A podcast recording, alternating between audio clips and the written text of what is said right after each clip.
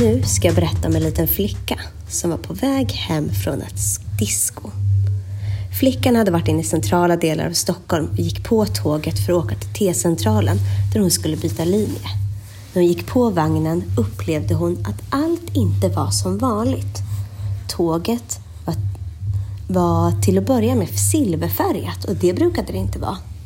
De andra passagerarna såg konstiga ut och snart visade det sig att även tåget skulle köra konstigt.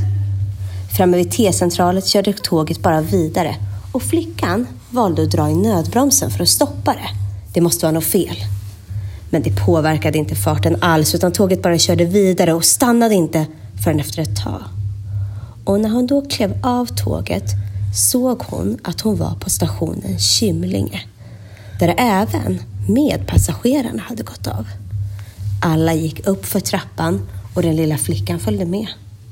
Den panik som började växa fram redan på tåget blev ännu mer tydlig och när hon insåg att samtliga medpassagerare passerade dörren utan att öppna den. Hon förstod då att hon hade åkt med silverpilen till Kymlinge. Där bara de döda går av. Här delar sig sägnen i två inriktningar.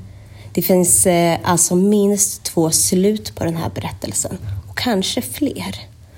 Vågar du höra sluten? Gud vad läskigt. Ja, absolut så vill jag veta vilka olika slut som finns på den här historien. Men jag tänker att vi sparar dem till lite längre fram. Det här är alltså tio minuter, en kvart med mig Elias. Och med mig Märta. Och välkomna till podcasten om Silverpilen till Kymlinge station. Ja, och idag pratar vi alltså om Silverpilen till Kymlinge station och det är riktigt, riktigt läskigt. Vad tror du Märta? Ska vi varna känsliga lyssnare innan vi går vidare med podcast? Vi borde kanske ha varnat tidigare. Nu har de nästan hört det läskigaste. Men vill ni höra svaret? Eller svaret, vill ni höra slutet? Ja, men nu kör vi slutet direkt tycker jag. Mm-mm. Eh, jo, det var så här. Den första inriktningen, jag ska ju berätta två stycken, det handlar om att ingen vet vad som hände med flickan. Men att hon hittade stöd i skogarna kring Ursvik strax därefter. Det är alltså i skogarna och närheten av Kymlinge station. Och den andra inriktningen berättar att hon hittades där, men att hon levde. Men var såklart vettskrämd. Oj, oj, oj. Det här var ju eh, verkligen läskigt värre. Men du, Märta. Är det här verkligen sant då? Nej, det här är en klassisk spökhistoria. Eller en skröna som man berättar för att beskrämma varandra. Och jag hoppas att jag lyckades. Ja, det gjorde du, det gjorde du verkligen. Och jag tycker jätte, jätteskönt att det här var en spökhistoria. Men varför berättar man just om Kymlinge station då och inte om någon annan station? Det finns ju jättemycket tunnelbanestationer mm. i Stockholm. Mm. Ja, men så här. Kymlinge station är väldigt speciellt. Där, eh, den blir väldigt färdigbyggd station. Utan det är en tunnelbanestation som ligger eh, på blå linjen mellan Hallonbergen och Kista i Stockholm. Och den ligger mitt i ett motionsområde och med flera motionsspår som korsar den här ödelagda stationen. Och det finns spår och plattformar men inga rulltrappor eller hissar. Och den här stationen byggdes i slutet av 1960-talet. Och tanken var att man skulle bygga en helt ny stadsdel här, men så blev det inte. Men eftersom bygget av tunnelbanestationen redan påbörjades, eh, hade påbörjats, så lät man bygga klart den helt enkelt. Och sedan dess har den stått oanvänd. Så om ni googlar på Kymlinge station så ser man en station som liksom har allting men utan själva inredningen. Den är helt övergiven. Oj, alltså det låter ju så jättehäftigt på något så spöklikt sätt. Så man kan, kan man se den här stationen från tunnelbanan?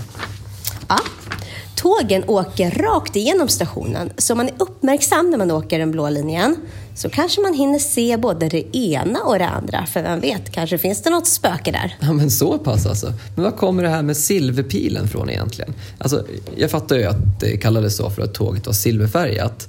Men fanns det sådana tåg i, i Stockholm förut eller? För nu för tiden är ju alla liksom blå och svartsilvriga på något sätt. Mm.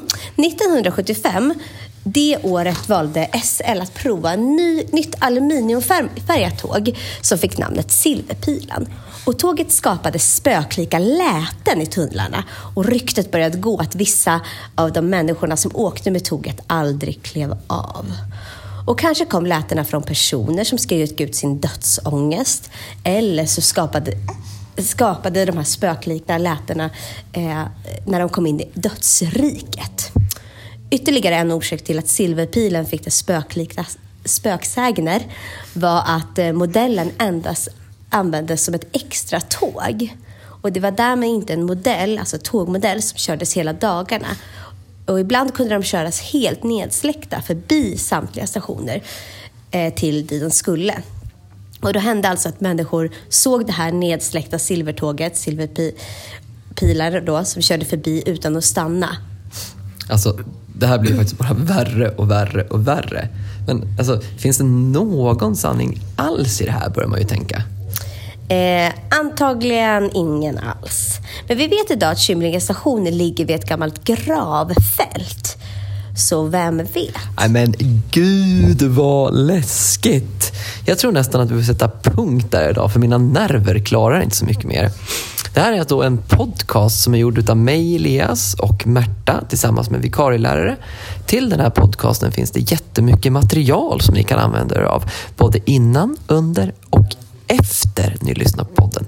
Ni hittar materialet på vår hemsida på www.vikarielärare.se. Där kan ni logga in på vår kunskapsbank med lösenordet vikarielärare med litet v. Den här podcasten kan ni hitta på vår hemsida men också i våra sociala mediekanaler. Vi finns som vikarielärare på Facebook. Gå in och gilla oss. Och vi finns som vikarielärare på Instagram. Gå in och följ oss där. På Facebook har vi också gruppen Lärarnas kunskapsbank som är till för er lärare. Där ni kan hitta jättemycket extra material och följa spännande pedagogiska diskussioner. Ta och bli medlem vet jag. Tack så mycket. Hej!